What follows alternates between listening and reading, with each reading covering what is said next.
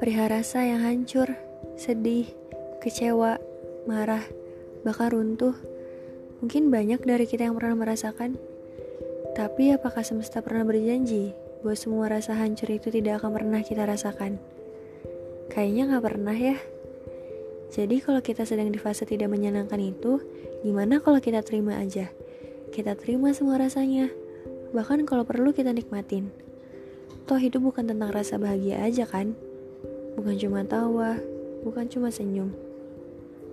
Lagi-lagi, hidup itu tentang perjalanan, tentang berproses, tentang belajar, dan tentang tumbuh.